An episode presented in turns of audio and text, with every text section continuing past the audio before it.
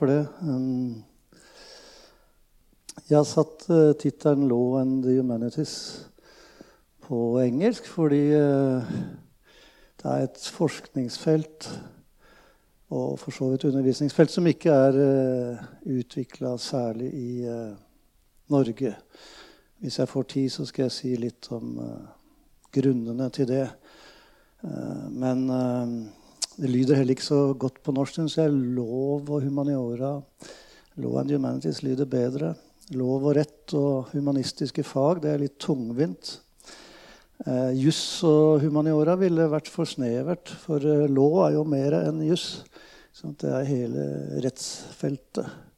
Lov og rett dreier seg om mye mer enn en juss. Og det er en av grunnene til at juss, lov og rett, er en humanistisk disiplin. Og jeg skal si litt om åssen den uh, praktiseres uh, rundt omkring, og ikke minst i USA. Hva er uh, law and humanities? Um, jeg har satt opp noen stikkord her. Altså I Norge så har vi Bjørn Ekeland står i midten der. Arild Lindberg og Johan Dragvoll. Vi etablerte noe som vi for moro skyld kalte The Bergen School of uh, Literature and Law. Og vi var jo bare tre, um, og ikke en hel skole. Men det hadde en viss sånn presedens i Norge, for uh, det var The Bergen School of Aesthetics på 80- og 90-tallet som også bare besto av tre folk. Fortrinnsvis på filosofi og kunsthistorie i, i, Bergen. Så det var litt sånn for å spille litt på hva de gjorde. Um, vi har holdt til og holder til i Villaveien 1A. Og har et uh, lite senter der som kalles for Humanistic Legal Studies. Um, vi etablerte uh, vår forskning og også etter hvert undervisning innenfor litteratur og lov og rett fra slutten av 90-tallet. Eh, I 2009 så fikk vi et eh, Og det ble etter hvert et nordisk nettverk som ble finansiert av eh, Nordisk råd i fem år, faktisk. Og så fikk vi et forskningsprosjekt fra som noen av dere kanskje har hørt om i sommer. Fra Norges forskningsråd i 2009. Det varte i tre år. Og, og etter det så ble det da etablert et lite senter som kalles for Center for Humanistic Legal Studies. Ja. Um,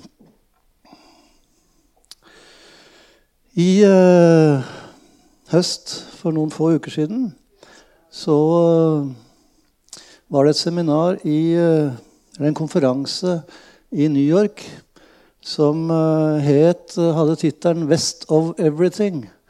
New Media, Visual Culture and Law. Og Jeg tenkte jeg skulle ta utgangspunkt i det. Eh, altså forholdet mellom eh, lov og rett og visuelle medier som eh, film, fotografi og også fjernsyn. Jeg holdt sjøl et eh, foredrag der på den konferansen om eh, fotografi, film og juss med utgangspunkt i Walter Benjamin. Eh, det er to hovedfigurer i tilknytning til denne konferansen og innafor dette feltet i Europa og USA. Og en av dem er denne merkelige professoren der, som alltid går med sånne rare briller og sånn. Tidligere skikkelig hippie. Peter Goodrich, Cardoso Law School. Han, Bestemora hans kom for øvrig fra Nordheimsund, så han var ofte her på ferie når han var, når han var gutt. og har ofte vært eller også vært noen ganger hos oss eh, på Universitetet i Bergen. Han har eh, bygd opp det feltet som heter Law and Humanities ved Cardoso Law School i New York. Og de har vi hatt samarbeid med sånn siden eh, veldig lang tid tilbake. 15 år iallfall. Og så er det en uh, historieprofessor som også jobber med jusfeltet i Paris. Christian Delage. Eh, han eh, er også filmskaper. Eh, har dreid mange filmer og holdt mange foredrag om juss og film. Og hva skulle vitsen være? Hva er sammenhengen mellom the humanities og law? Og hva er nærmere bestemt sammenhengen mellom visual media, altså film, bilder, fjernsyn og lov og rett? Um, law and aesthetics. Hvis vi skal snakke om law and the humanities, så er et av de feltene som peker seg ut, lov og estetikk. Og på norsk kunne vi kanskje sagt rett, rettferdighet og estetikk. For feltet law dreier seg selvfølgelig også om justice, rettferdighet, og ikke bare om lov og rett.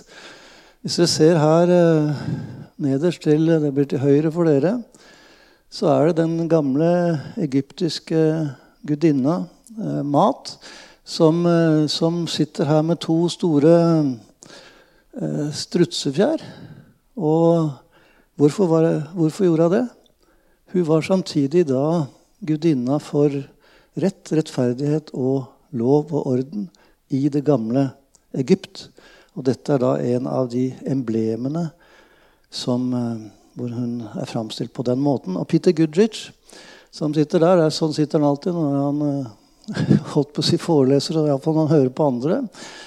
Uh, han utga i, uh, for noen få år siden, to-tre år siden en bok som uh, heter 'Legal Emblems and the Art of Law'. Altså juridiske emblemer og jussen, eller lov og rett, som, som kunst. Han var for øvrig på en konferanse vi arrangerte i Bergen her for par-tre år siden og snakka om akkurat eh, den boka som da nettopp var, var kommet ut. Hva er sammenhengen her? Hva er legal emblems? Og hvilken betydning har legal emblems i rettshistoria og i humanioras historie? Eh, jeg eh, har interessert meg litt for dette her sjøl. Og det var vel i fjor, halvannet år siden eller noe sånt, så holdt jeg et foredrag på Litteraturhuset her i Bergen om uh, strutsens historie. I lov og rett, uh, i litteratur, kunst, psykoanalyse og politikk. Strutsepolitikk er et uttrykk som alle kjenner. Men alle kjenner ikke betydningen av strutsen i retts, rettshistoria. Og hvilken betydning har strutsen i rettshistoria? Og hvorfor er den et juridisk emblem. Merkelig, et merkelig dyr. Du vet at Det blir jo skjelt ut i Jobbs bok i Bibelen. Det er en stor diskusjon om eh, hvorfor Gud skapte et dyr, en fugl, som ikke kunne fly. eh, strutsen i Lov og rett. Det er en eh, lang historie. Nesten like lang som en strutsehals. Eh, hvis vi går til eh, kunsthistoria, så, så, finner vi eh, noen kilder til forholdet mellom juridiske emblemer og strutsen. Og strutsen står sentralt der. Og, og jussen. For eksempel så er det i dag et av Rafaels kjente malerier, 'Justitia', altså rettens gudinne, fra 1520. Der sitter hun med en og holder rundt en struts. Og hvorfor skulle Justitia smykke seg med en, med en struts og holde rundt en struts? Går vi videre til 1660, til Rembrandt. Eh, dame med strutsefjær. Så er det igjen da, altså en dame her som representerer lov og rett, og som sitter med en strutsefjær i, i hånda.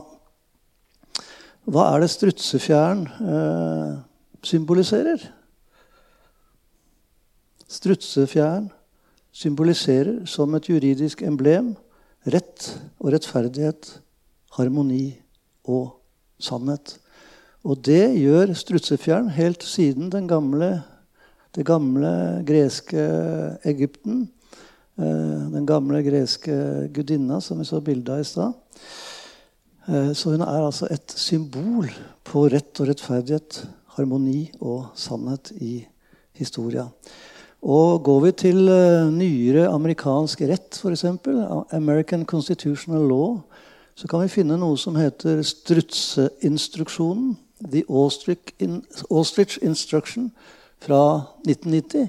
Så, som, på, som dreier seg om hvorvidt man skal informere en jury om uh, bakenforliggende skjulte omstendigheter som kanskje ikke kommer fram i rettssaken.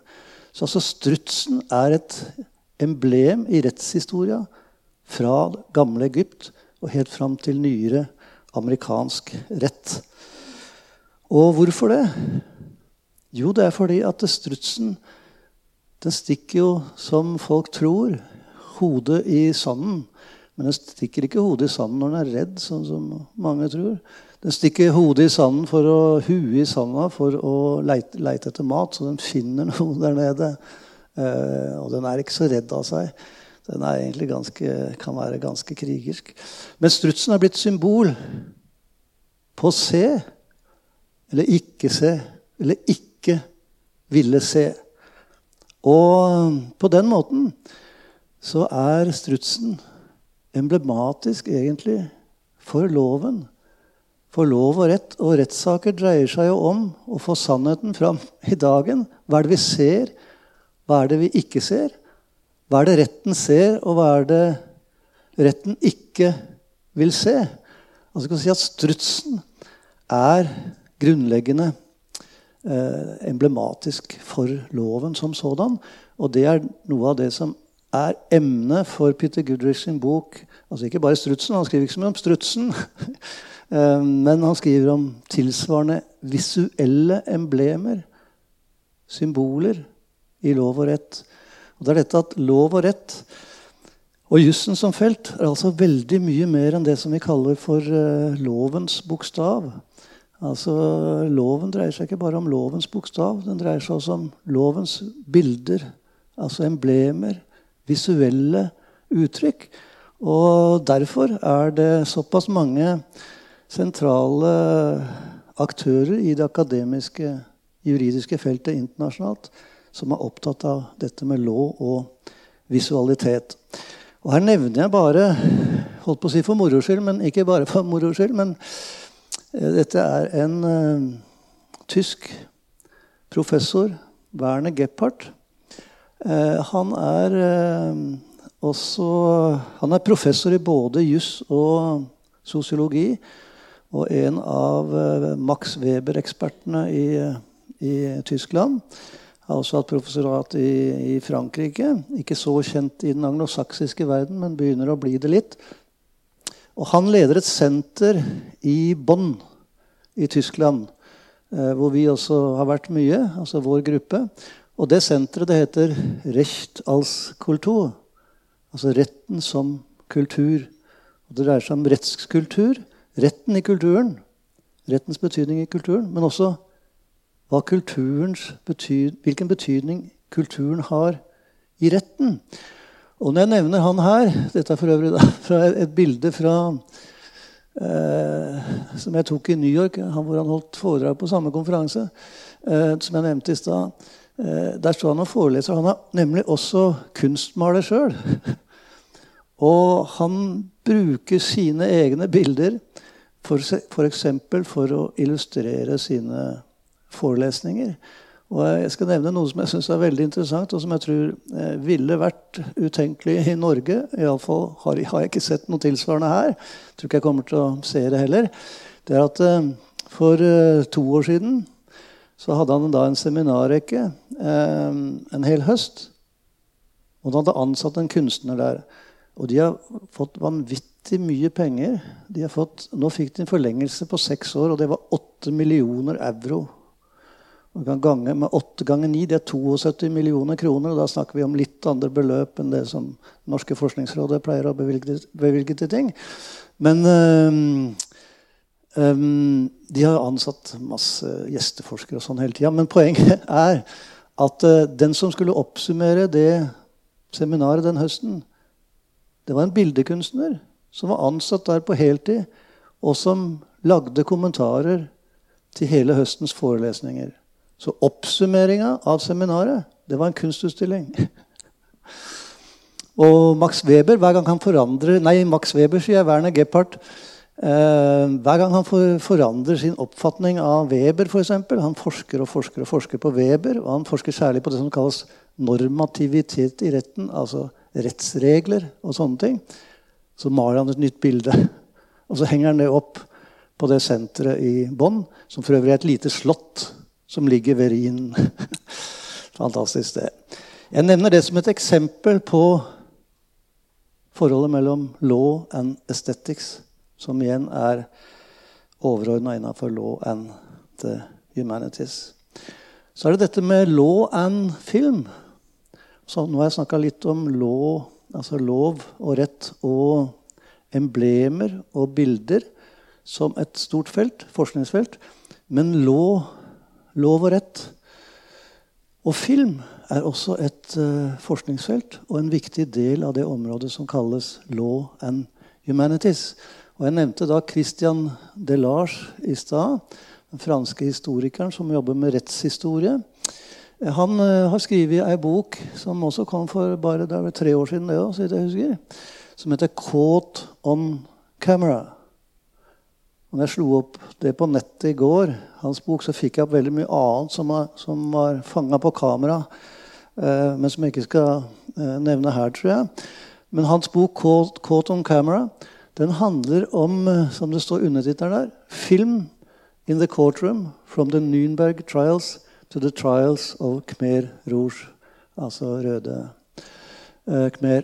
Um, og den handler om uh, hvilken betydning filmatiseringer av rettsprosesser får. Men for det andre også hvilken betydning filmatiseringer har som dokumentasjon i retten.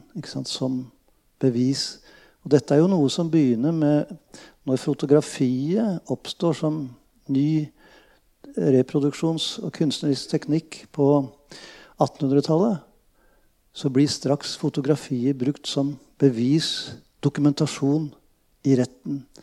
Og når filmen kommer som nytt medium, så blir filmen både brukt som dokumentasjon i retten, men også rettsprosesser blir filma. Og den første rettsprosessen som blir filma i sin helhet, det er Nürnberg-prosessene. Og det er også Et kapittel i den boka er også da prosessen mot uh, Milosevic i, i Haag. Og hvilken betydning har det at vi f.eks. nå kan se rettssaker på direkten? Ikke i Norge, er ikke det så vanlig ennå. Eh, men eh, tenk på OJ Simpson-saken, som gikk på direkten i USA. Hvilken betydning har det at rettsprosesser filmatiseres? Hvilken betydning har det for aktørene i retten? Altså, dette har da blitt et uh, fenomen som er helt grunnleggende også for rettsoppfatningen. Men også for aktørene i retten. Hvilken betydning har det for dommer, aktor, forsvarer, tiltalt at de vet at de blir sendt på direkten til millioner av mennesker over hele verden? Det er altså et helt grunnleggende rettslig problem. Og derfor forsker forskere som Christian Delage på, på dette. Ja, bare nevner jeg en annen en av de ledende nye rettsfilosofene i Europa som produserer eh, bøker hele tida, og som også har vært i Bergen og forelest eh, hos oss. Eh, Laurent de Cité, altså fra fransktalende Belgia. Han holdt et foredrag i Bonn på det senteret jeg nevnte, som heter 'Politics of Police'. Altså politiets poetikk. Det er ikke det første som faller oss inn når vi tenker på politiet, altså poetikk, poesi. Og da tok han utgangspunkt i uh, Den rosa panteren, filmene. ikke sant? Peter Sellers uh, 'Revenge of the Pink Panther'. og analyserte hva slags framstilling av politiet er det vi finner på denne typen filmer. Og hvordan forholder det seg til hva som faktisk skjer i rettssalene? Altså, Hvilken betydning har dette for vår rettsoppfatning. Alle disse filmene som handler om, om lov, og, lov, og, rett. Og for ikke å snakke om fjernsyn. ikke sant? Derek Lov og rett og fjernsyn. Det vrimler jo av, kriminalserier i fjernsyn. Sjøl ser jeg nesten minst en episode hver dag. Jeg synes det er interessant å se. Altså, tenk på, Noen av dere husker Perry Mason. Alle i Norge kjenner Derrick. Til tyskernes forbauselse så sendes Derrick fortsatt i stadige repriser i Norge. Colombo. Um, og et norsk eksempel. Serien 'Frikjent', som sikkert eh, mange av dere har, uh, har sett. Og spørsmålet her er da følgende Altså forholdet mellom lov og rett og estetiske framstillingsformer. Altså lov og rett og estetiske framstillingsformer, kolon. Hvilken betydning har dette for vår rettsoppfatning? Og dette var et av emnene for den eh, konferansen vi hadde i eh, New York i, i høst. Hvilken betydning har framstillingene i populærkulturen i visuelle medier for vår oppfatning av retten. Og hvilken betydning tror dere f.eks. at uh, Frikjent hadde og har i Norge nå? Jeg har hørt at det skal komme en del to, sesong to av den også. Men altså bare for å uh, antyde kort da, altså Helt siden det gamle e, greske Egypt så har visualiseringer av rettskulturen hatt betydning. Og i våre dager, med dagens nye medier, så har visualiseringer av rettskulturen jeg vil tro enda større betydninger enn emblemene hadde i det gamle Egypt. Ikke sant? Altså, vi har snakka litt om, om uh, altså, Frikjent bygger jo helt klart på Birgitte Tengs-saken. Som for øvrig var en av de første sakene som vår gruppe analyserte. Og det var før saken var kommet opp, eh, andre, altså kommet opp igjen i rettssystemet. Og da analyserte vi dommen i den første, altså den første dommen i Birgitte Tengs-saken. Og sammen med studentene så kom vi fram til at den dommen måtte være feil, eller den var i beste fall tvilsom ved å analysere dommen retorisk og ut fra litteraturvitenskapen. Eh, men og den har jo blitt sånn. Det er jo noe som vi går og tenker på. Er det riktig at fetteren som ble dømt, samtidig blir dømt til å betale erstatning? Det er jo sånne ting som uh, folk lurer på. Ikke sant? Men uh, er det ikke sånn at dette og en sånn sak som det, det, er, det blir et kollektivt traume Altså jeg, tror, jeg tenker iallfall sånn at eh, Birgitte Tengs-saken er et kollektivt norsk traume. Og tilsvarende saker er kollektive norske traumer. Og sånne seriers behandling av den typen rettsprosesser er kanskje Dette er bare et forslag fra min side. Eh, kanskje en kollektiv, kollektiv bearbeidning av traumer i vår rettskultur. Så presenteres det ulike løsninger på saken. Og i sesong to så blir det presentert enda nye, nye løsninger. Vi vil egentlig vite hva var det som skjedde her, men vi har ikke fått vite det gjennom rettssystemet. Men nå får vi altså da populærkulturell behandling av emnet. Jeg skal gå litt nøyere inn på, etter dette, denne innledninga om estetikk og juss, skal jeg gå litt nøyere inn på sammenhengen, hva som er den historiske sammenhengen mellom juss og humaniora. Og den er egentlig, sånn som det står der altså Jussen er fra første stund en humanistisk disiplin. Og grunnleggende, de grunnleggende humanistiske disiplinene er fra første stund Da tenker jeg så langt som vi kommer tilbake i historia. Også grunnleggende juridiske. Fordi lov og rett, forbrytelse og straff, skyld og uskyld og soning det er helt grunnleggende menneskelige spørsmål som vi alle er opptatt av. Alle mer eller mindre i anførselstegn. De fleste er opptatt av det. Og det, Derfor er dette forholdet mellom juss og humaniora Juss og det menneskelige er noe som går gjennom hele vår kultur og kulturhistorie. Og hvorfor det? Jeg skal da gå litt over til det som er den eldste sjangeren. Jeg snakka litt om film og sånn. Og det er jo da litteraturen. Og filosofen Jacques Derrida 1930-2004 Han var den som uh, satte skal vi si, det filosofiske søkelyset på dette. Uh, da først og fremst i 1989. Uh, det hadde begynt som en sånn, si, bevegelse i USA å sette søkelys ved forhold mellom litteratur og rett, literature and law, allerede på 1960-tallet.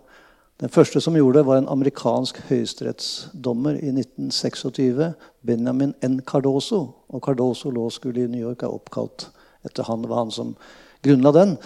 Men altså innafor nyere filosofi så er det først og fremst Jacques Derrida som begynte å konsentrere seg om dette, belyse dette. Eh, i et foredrag som han holdt ved Cardoso School of Law i 1989, som er 'Deconstruction and the Possibility of Justice'. Altså dekonstruksjon og muligheten for eh, rettferdighet. Og i dette foredraget så sier han noe rart. Han sier jo veldig mye rart. I det, i det hele tatt så sier dere da veldig mye rart ofte. Eh, det er vel derfor det er morsomt å lese han. Men blant annet så sier han der at eh, hvis dekonstruksjonen som han da regner som den nyeste filosofien, og da som han selvfølgelig sjøl representerer. Hvis dekonstruksjonen har noe sted, så er det i jussen, i loven og i retten. Og det er jo litt rart, for dekonstruksjonen var egentlig en litteraturfilosofi. Altså en tenkning om litteratur. Men han sier at dens egentlige sted, det er lov og rett og rettferdighet. Og eh, samme sted, i en bok som for øvrig er oversatt til norsk av Bjørn Ekeland, og som heter 'Lovens makt', kom i 2003 på Spartakus forlag, så sier dere da litteraturen oppstår på det stedet der lovene blir til. Litteraturen oppstår på det stedet der lovene blir til. Og hva skulle det bety? Jo, det det betyr, så vidt jeg kan forstå, det er at litteraturhistoria er like gammel som rettshistoria. Og omvendt. Rettshistoria er like gammel som litteraturhistoria.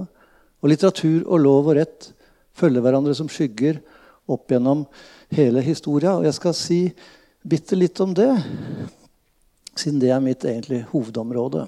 Litteratur og lov og rett. Eh, altså retorikken som er den eldste humanistiske disiplinen. Det var selve dannelsesdisiplinen. Eh, den var en juridisk disiplin helt siden Arilds tid. Nå er jeg veldig lei for at uttrykket 'siden Arilds tid' tydeligvis er i ferd med å gå ut av språket. Eh, for det er ingen eh, yngre folk og ingen av mine studenter lenger som kjenner uttrykket 'siden Arilds tid'. Men jeg holder på det så lenge som jeg kan for min egen del. Altså Retorikken oppsto som en juridisk disiplin på Sicilia på 500-tallet før Kristus, hvor man forsøkte å løse eiendomstvister ved å diskutere. Og det sier man er retorikkens opprinnelse. Eh, men jussen har da også vært en retorisk disiplin like lenge. For den oppstår i forbindelse med å løse tvister. Og Hvis vi går til litteraturen, og jeg skal nevne noen av de eksemplene som står der, den eldste litteraturen vi har, det er Gil Gilgamesh-kvadet. Som handler om kong Uruk i uh, den babylonske kulturen. Kong Uruk levde på visstnok 2750 før Kristus. Gilgamesh-kvadet ble nedtegna på 1800-tallet før vår tid og hogd inn i sånne tavler som man først eh, veldig mange hundre år etterpå uh, klarte å tyde. Men uh, i tilknytning til Gilgamesh-kvadet så, så, nevnes da den eldste uh, lovboka som finnes i rettshistoria, og derfor også i litteraturhistoria, nemlig Haburamis lover. Og der finner vi beskrivelsen av det som heter ildprøven. Dere har kanskje hørt om den? Men ildprøven det var sånn hvordan skulle man avgjøre om en person var skyldig eller ikke skyldig? Har du drept den som vi mistenker at du har drept, eller ikke? Ok, kom her, så skal vi se. Nå, så tar da presten, som var dommeren, og religionen og retten har jo alltid hengt sammen. Um, presten tar da altså stikker en glødende jernskje inn i Altså, han varmer en jernskje til den blir glødende i, over ilden. Og så skal du sleike på den glødende jernskjea. Ja. Og så skal presten, som da er dommeren, lese tegnene på tunga og se om du er skyldig eller ikke. For Gud har nemlig etterlatt spor på din tunge. Høe er ikke høe. Ja, tolke tegnene på tunga, altså sleike på en glødende jernskje som blir tatt rett ut av varmen. Og jeg pleier da å si at uh, de som tror at det er veldig forskjellig hvordan uh, rettsprosesser blir avgjort i dag, uh, tar litt feil. fordi at det dreier seg i veldig høy grad om å tolke tegn som ikke er så vanskelig, ikke er så lett. Ikke er så lett å tolke. altså det flertydige tegn, ubestemmelige tegn. Det, hvilken sannhet er det som egentlig skjuler seg bak de tegnene vi har å forholde oss til? Men altså i den eldste litteraturen vi har, så finner vi også de eldste lovene. Og hvis vi går til Bibelen, og det nevner jeg bare kort, så har vi jo de ti bud ikke sant? som Moses da får, eh, og som blir risset inn i steintavler, og som kommer ut av ildebrannen. Gud viser seg i en ildebrann. Det er også dette med ild og lov og det guddommelige igjen. Eh, og der kommer han med de ti, ti bud. Men hele andre Mosebok er jo en lovbok. For det handler ikke bare om de ti bud. Det handler om alskens lover og regler og normer for hvordan vi skal oppføre oss. Vi har både skriv, skrevne lover, men vi har også såkalte uskrevne lover, som f.eks. går på hvordan vi skal oppføre oss. Og i Bibelen står det f.eks.: Hvordan skal vi oppføre oss når vi får uventede gjester på besøk? Når det kommer fremmede?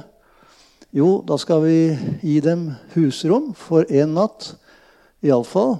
Eh, og så må de ikke få mer med seg når de går, enn det de klarer å bære. Det er da gjestevennskap, gjestfrihet. Du lar folk få overnatte, og så får de med seg så mye som de klarer å bære når de går dagen etter. Og så er det sånne regler som at man ikke må Ja, den som driver hor med dyr, skal dø. Sånne elementære regler for hvordan man skal oppføre seg som menneske. Og, ikke, hva man skal spise og ikke spise. Eh, alle sånne ting handler andre Mosebok om. Så det er igjen da en lovbok. Og Hvis vi går videre til de greske tragediene, så er det sånn at alle de greske tragediene, og da er vi altså på 400-tallet før Kristus Alle de greske tragediene turnerer et juridisk vokabular sier en fransk spesialist på den greske antikken. Og jeg tenkte jeg bare da skulle nevne at i det eldste tragedieverket som vi har, nemlig Orestien fra 458 før Kristus uh, Orestien handler om innstiftelsen av det greske rettssystemet. Og den handler om eh, opphevelsen av blodhevnen. At blodhevnsystemet erstattes av et moderne rettssystem. Det er faktisk moderne. Der det er en dommer som avgjør ved å veie argumentene for og imot hverandre. Og den dommeren er selvfølgelig en gudinne. Det er jo Atene. Eh, Atens høye beskytter. Jeg tror ikke jeg skal ta meg tid til å gjennomgå det stykket. Dere kan jo lese det sjøl, men det handler jo om at ja, jeg skal bare si det kort, det handler jo om at kong Agamemnon kommer hjem fra krigen. Så blir han drept av dronninga Klyptamnestra fordi at han har ofra deres datter Ifigenie eh, for å få vind i seilet for å dra i krigen til, til Troja. Troja-krigen. Så blir han drept. Og når kongen er drept, så må jo det hevnes. Og da er det kongens sønn Orestes, og derav navnet Orestien som skal hevne det. Så dreper han sin mor, dronninga. Eh, for eh, det må hevnes. Og så skal jo det hevnes igjen. da.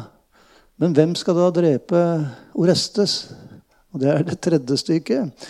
Eh, det er en trilogi, tre tragedier som henger sammen.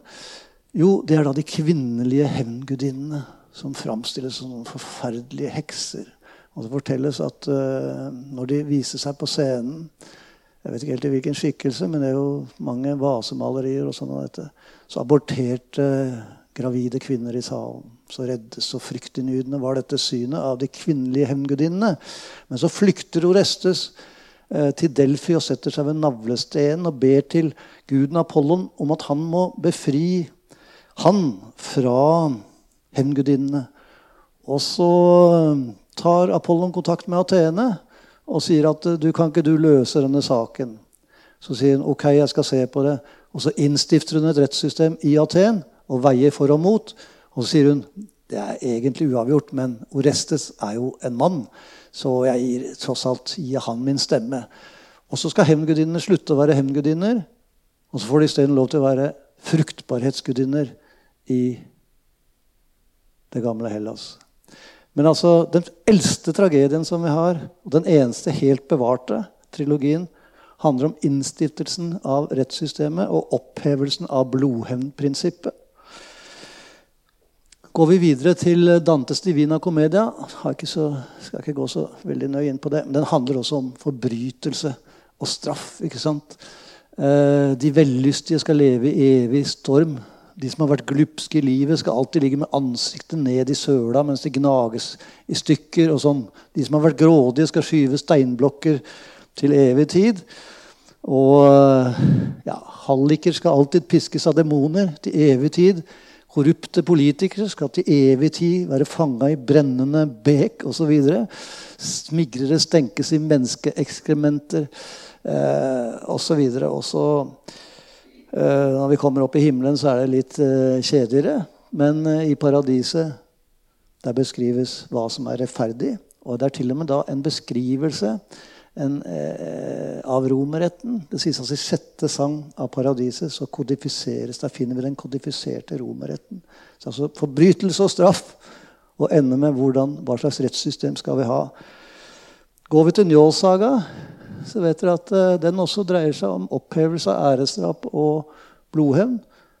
Og Njål han er den klokeste av alle fordi at han er den lovkunnige. Det er han som kan lov og rett. Og det er så mye lov og rett i Njålsaga at uh, de utgavene som har blitt lest, uh, de har vært helt ufullstendige. Den første fullstendige utgaven av Njålsaga kom først i 2005. Da var alle rettsscenene med, alle diskusjonene om lov og rett. Før det så var det bare lest altså, ufullstendige skal vi si, sagaer eh, som ikke hadde med alle rettsscenene. Og det Njål han er jo god til å løse konflikter. Og han innstifter da noe som minner om det som vi kaller for Høyesterett. Han finner ut vi må ha en rettsinstans til hvis vi skal løse alle rettstvistene. Eh, så dette er altså lov og rett i litteraturen. Vi kan gå videre til Holberg. Holberg anså sitt første verk, 'Introduksjon til natur og folkeretten', som sitt viktigste verk. Nils Klims reise til den underjordiske verden. Magister Klim som faller ned i en hule på Fløyen. som da, Den ligger jo der fortsatt, men den er ute i Ytre Sandviken. Eh, Nils reiser jo da fra sted til sted. og på, Først kommer han jo til trærnes verden, hvor han klatrer opp i det første og beste treet. Og så blir han jo da anmeldt eh, for uh, voldtektsforsøk på borgermesterens kone. Ikke sant? Han vet jo ikke at han kommer til trærnes verden. Eh, derfor blir han heller ikke drept. for Man skal ikke dømmes ut fra lover som man ikke kjenner. Så kommer han til apenes rike, hvor de har helt andre lover osv. Det er en reise gjennom ulike retts- og lovsystemer i den underjordiske verden. Jeppe på Bjerget. Jeppe blir jo utsatt for et justismord. Oppdiktede anklager, falske anklager, kanskje med et visst visst troll Han våkner jo i Jeppes seng, nei, i baronens seng, eh, men lettere forvirra, sånn som vi ser der. Eh, falske dommere, falske advokater, falske eh, anklager. Det handler om det er en iscenesettelse av et justismord. Vi finner tilsvarende ting hos Shakespeare også.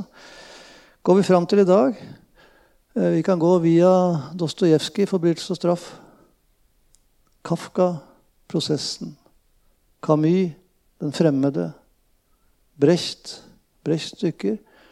Fram til uh, nyere kriminalromaner, som Jørn Lier Horst, som jeg driver og leser uh, for tida. Og hans siste roman, 'Blindgang', den handler jo om feilaktige Han er jo tidligere politietterforsker. Han handler om dårlig politietterforskning og hva som kan være årsaken til et mulig faktisk justismord.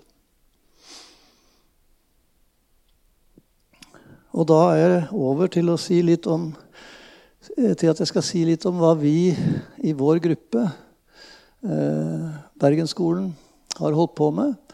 Altså, Vi beveget oss da fra noe av det som jeg nå har snakka om, lov og rett i litteraturen, og over til, over til, det som kan kalles litteraturen i loven. For det er ikke bare sånn at uh, lov og rett er et hovedtema i verdenslitteraturen så langt tilbake som i det hele tatt kan komme. Men uh, det finnes også veldig mye litteratur i loven og i retten. Fordi at det hele tida fortelles fortellinger i retten. Og en rettssak er jo også et slags teaterstykke. Og det er det mange som har skrevet om. Det er en iscenesettelse. En rettsprosess er en iscenesettelse med aktører hvor det er faste roller. ikke sant? Det er anklager, det er forsvarer, det er dommer, det er tiltalt, eh, det er, det er vitner osv. Det er altså En rettsprosess er på en måte et teaterstykke. Eh, hvordan skulle man da analysere dette?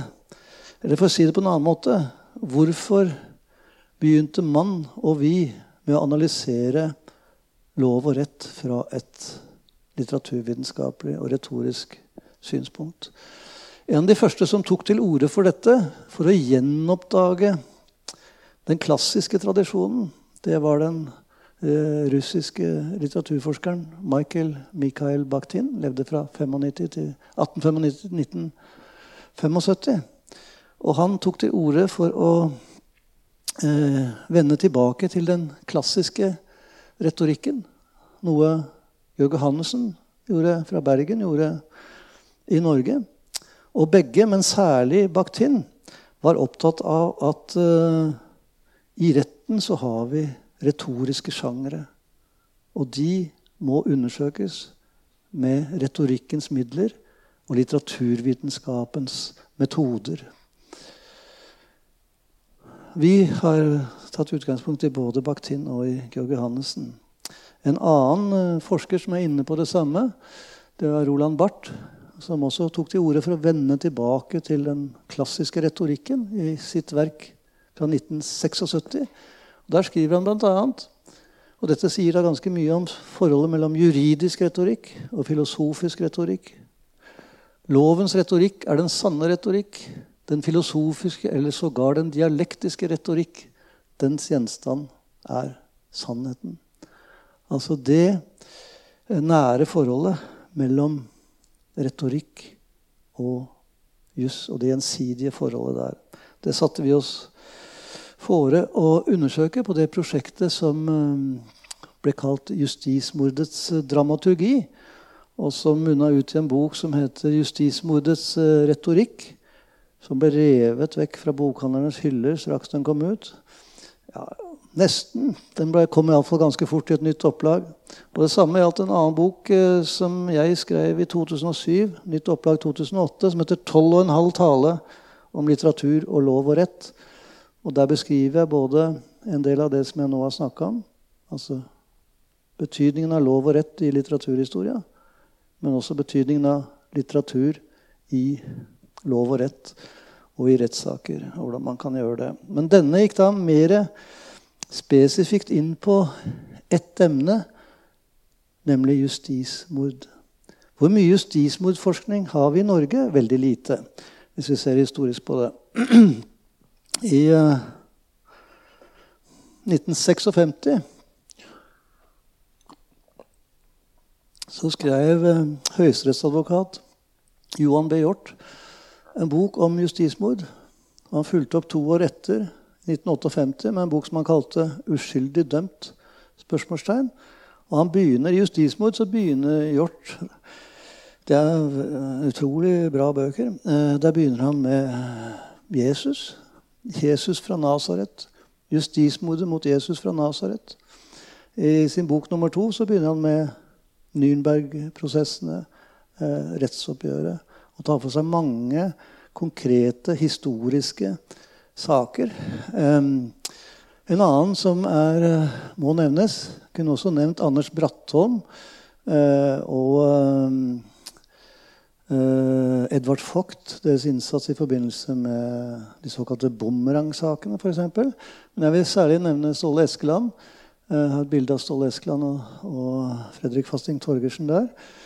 Ståle Eskeland som jo jobba med Torgersen-saken så lenge, og som betrakta den som et klart uh, justismord. Men utover dette så er det veldig sparsomt med den typen uh, forskning i Norge.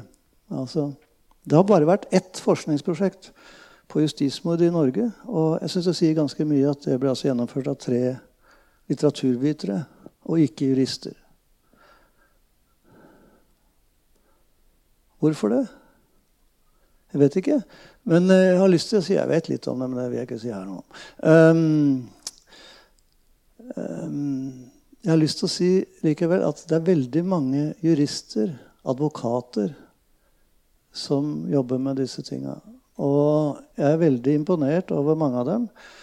Uh, siste som jobber med Torgersen-saken, jobba med Torgersen-saken, var jo Cato Schjøtz. Vi har andre som Sjødin, som jobber med Baneheia-saken. Vi har uh, Sulland, som jobber med Orderud-saken. Og det som kjennetegner så mange av disse og Tenk på Arne Haugestad. Jobba 20 år med Treholt-saken. 20 år! Gratis.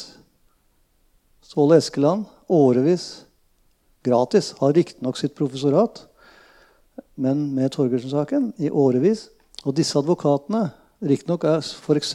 Schjøtz en av Norges best betalte men de får ikke noe betalt for dette med mindre disse sakene skulle komme opp igjen, og de skulle få sin del av en eventuell uh, erstatning.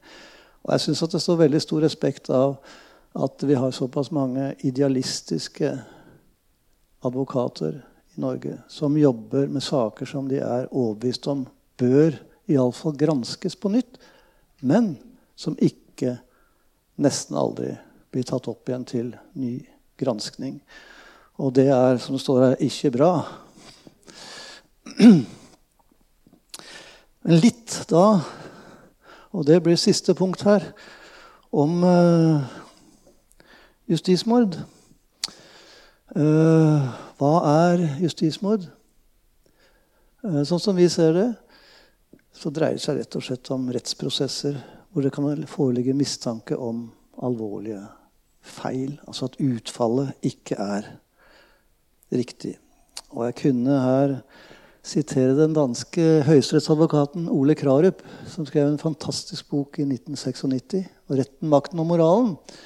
Men han bare sier, eh, jeg bare sier at han sier at det som er viktig, er å granske justismord for å få innsikt i rettsvesenet som sådant. Og hvorfor de kan gjøre de feilene som de gjør. Og noe av det som da vi kom fram til, og som ble en premiss for vår forskning eh, ved å ta utgangspunkt i den gamle retorikken, det er at enhver dom Enhver dom, enhver dom, alle dommer, forutsetter en fortelling som tar utgangspunkt i det som er grunnleggende spørsmål i retorikken, nemlig hvem, hva, hvor, når, hvordan og hvorfor. Så hvem gjorde hva? Når? Hvordan, hvor og hvorfor. Og da må det fortolkninger til. Men først må man lage en historie. Og vår konklusjon det var at uh, det som vi kan kalle for justismord, alvorlige rettsfeil, alltid bunner i at man har fortalt en feil fortelling. Fordi man har svart feil på disse spørsmålene. Og hvorfor har man svart feil på disse spørsmålene? Altså Justismordets viktigste årsak sånn som vi ser det, er falsk eller til og med fiktiv fortelling. Altså Hvis fortellinga er falsk, så er den også oppdikta. Så det stemmer ikke, det stemmer ikke at den og den gjorde det og det der og der, da og da, og av den og den grunn. I den gamle retorikken så kaltes dette for proton pseudos. Den første feil, kan vi oversette det med. Eh, tenk f.eks. på Monica-saken. Eh, Monica-saken i Bergen. Altså, den begynner med at etterforskerne gjør en alvorlig feil, og så fortsetter de å følge opp bare det sporet. Det handler også den siste boka til eh, Jørn Lier Horst om. At etterforskerne begynner med å forfølge ett spor, og så er de overbevist om at det er det sporet som skal forfølges. Og så er de vekk fra resten. Det er proton søydos. Og proton søydos Den første feil er kanskje bedre enn løgn. Men um, den fører til at fortellinga blir gal. Og det kan få fatale eh, resultater. Jeg tror jeg skal innom akkurat dette før jeg avslutter med noen konkrete eksempler. Det er nemlig et prosjekt ved Cardoso School of Law i eh, New York som kalles The Innocence Project. Starta i 1992. Og de har satt seg fore å ta opp og forsøke å få gjenopptatt eh, saker. Eh, denne statistikken stammer vel fra når vi skrev 'Justismordets retorikk', så det begynner å bli tre-fire år siden. Eh, de hadde fått da frikjent 273 som til sammen var dømt for 3160 års fengsel. Sånn er det jo i USA. 17 av dem satt på dødscelle. De viste seg altså å være uskyldig dømt. Men hvorfor? 76% var dømt pga. falske øyenvitneskildringer. De var blitt observert ved åstedet, men de hadde altså ikke vært der. En som var dømt til døden, han hadde alibi for at han hadde vært og spilt biljard med gutta, som han alltid gjorde hver torsdag. Han hadde elleve vitner på at han hadde spilt biljard med gutta. Men det var ett eller to vitner som påstod at de hadde sett han ved åstedet akkurat på feil tidspunkt. Og jeg sier til meg sjøl jeg håper aldri jeg kommer i nærheten av et åsted eh, på feil tidspunkt.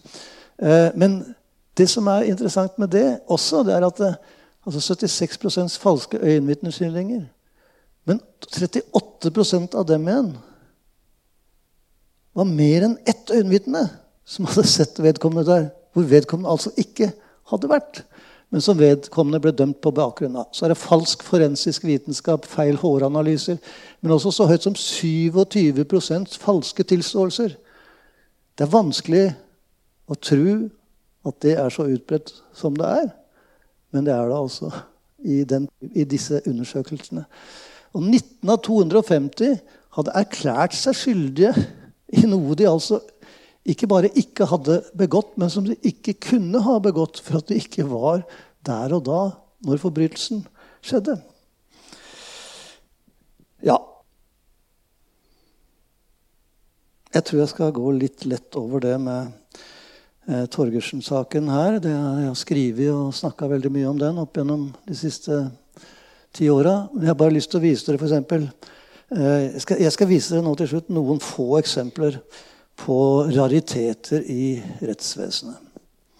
Altså, dette er da en, en, sånn oppstilling hvor man skal peke ut hvem man tror man har observert.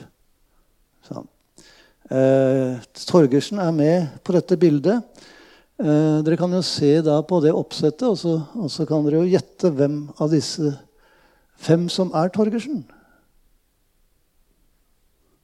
Og Hvis dere tror at det uh, er han som står på midten, så er det altså riktig. Han er den eneste som skiller seg ut. Hvorfor det? Det fantes også andre bilder. Uh, da, på det ene bildet så sto Torgersen ut på den ene sida. Men da sto han altså på en så veldig rar måte i forhold til de andre. Um, så ja.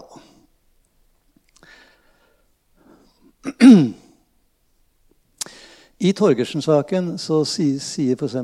statsadvokaten i siste, nest siste gjenopptakelse um, Hvis vi får tid, kan jeg si litt om den siste gjenopptakelsesbegjæringa etterpå av Cato Schjøtz, som gjorde Cato Schjøtz veldig sint fordi kommisjonen ikke engang gadd å se på hvilke argumenter han hadde anført for at saken skulle komme opp igjen. Men statsvalgadvokaten statsadvokaten sa at i tillegg til de da Eh, tre bevisene som 276 internasjonale forskere mente ikke lenger var holdbare. Så fins en lang rekke av andre bevis for at Torgersen uten tvil var skyldig. Og da kan man stille, når det gjelder bedømmelse av bevis, og bevisstbedømmelse i praksis, som det heter, så kan man også stille og det er et viktig spørsmål å stille hvilke bevis er det som blir bedømt? Og da har vi alle de sakene som vi har undersøkt, så er det viktige bevis som bare har blitt lagt til side. Og det er det som er, det er ikke bra. Eh, det kan være et utelukkelsesbevis som utelukker vedkommende som ugjerningsmann. Jeg skal nevne ett eksempel. Det fins flere fra Torgersen-saken. Torgersen påsto jo at han hadde vært sammen med en som het Gerd. Ja. Nå var det sånn at uh, denne Gerd ikke ville stå fram. Altså Torgersens mor og søster hadde hørt noe som de mente var skritt av da en dame opp til rommet til Torgersen. Han hadde truffet en på dans. Hun var gift, ville ikke stå fram. Men når saken kom opp, så betrodde denne Gerd seg til tre av sine arbeidskolleger. Uh, hun jobba på Gunnerus Pettersen i Oslo, som er sånn klesbutikk. Jeg lurer på om den ligger der ennå. Jeg er ikke sikker på det. Hjørnet av eh, Grønlandsleiret og Storgata. Den lå iallfall der når jeg var gutt. Mora mi handla ofte der. Men eh, Gerd jobba der. Hun hadde betrodd seg til tre av sine arbeidskolleger at det var hun som var, hadde vært sammen med Torgersen. Hva gjør disse tre venninnene? De går til politiet og sier at de veit at Gerd var den Gerd som Torgersen sa han hadde vært sammen med. Han kjente henne ikke så godt. da, Det var, sånn, var et sånn flyktig bekjentskap. Men um, ja, politiet noterer dette ned, og de gir det til påtalemyndigheten. Uh, den gangen var aktor da Dorenfelt, som eh, seinere ble vår høyeste uh, rettsmyndighet. Dorenfelt, riksadvokat. Hva gjør han med dette? Er det noen som har et godt tips? Så jeg bare sier at det ikke er bra. Og det er en advokat, Jan Tenne, som nå har skrevet en bok om dette, som heter Torgersen-saken. Eh, juks satt i system. Og det er den sinteste boka jeg noen gang har lest. For han ble bedt av Ståle Eskeland om å se på Torgersen-saken. Tenne var forretningsadvokat og sa sånn Nei, altså, jeg gidder ikke å bry meg. Den har vært igjennom rettsvesenet. Den skal ikke se mer på den saken. Ja, Men så sa Eskeland ja, men kan du ikke ta en titt på den saken? Og så gjorde Tennø det. Og han sa at så sjokkert og sint har jeg aldri vært i hele mitt liv. Blant annet så fant han da ut følgende ikke bare at det fantes flere utelukkelsesbevis for Torgersen, men at dette helt viktige, som ville ha sagt at Torgersens versjon var sann, og at han da ikke hadde vært på åstedet på det tidspunktet, den hadde den seinere riksadvokat Dorenfeldt lagt til side. Det ble aldri presentert i rettssaken. Det ble aldri presentert for forsvarerne. Og jeg veit ikke det er vanskelig å forstå hvorfor. Og det er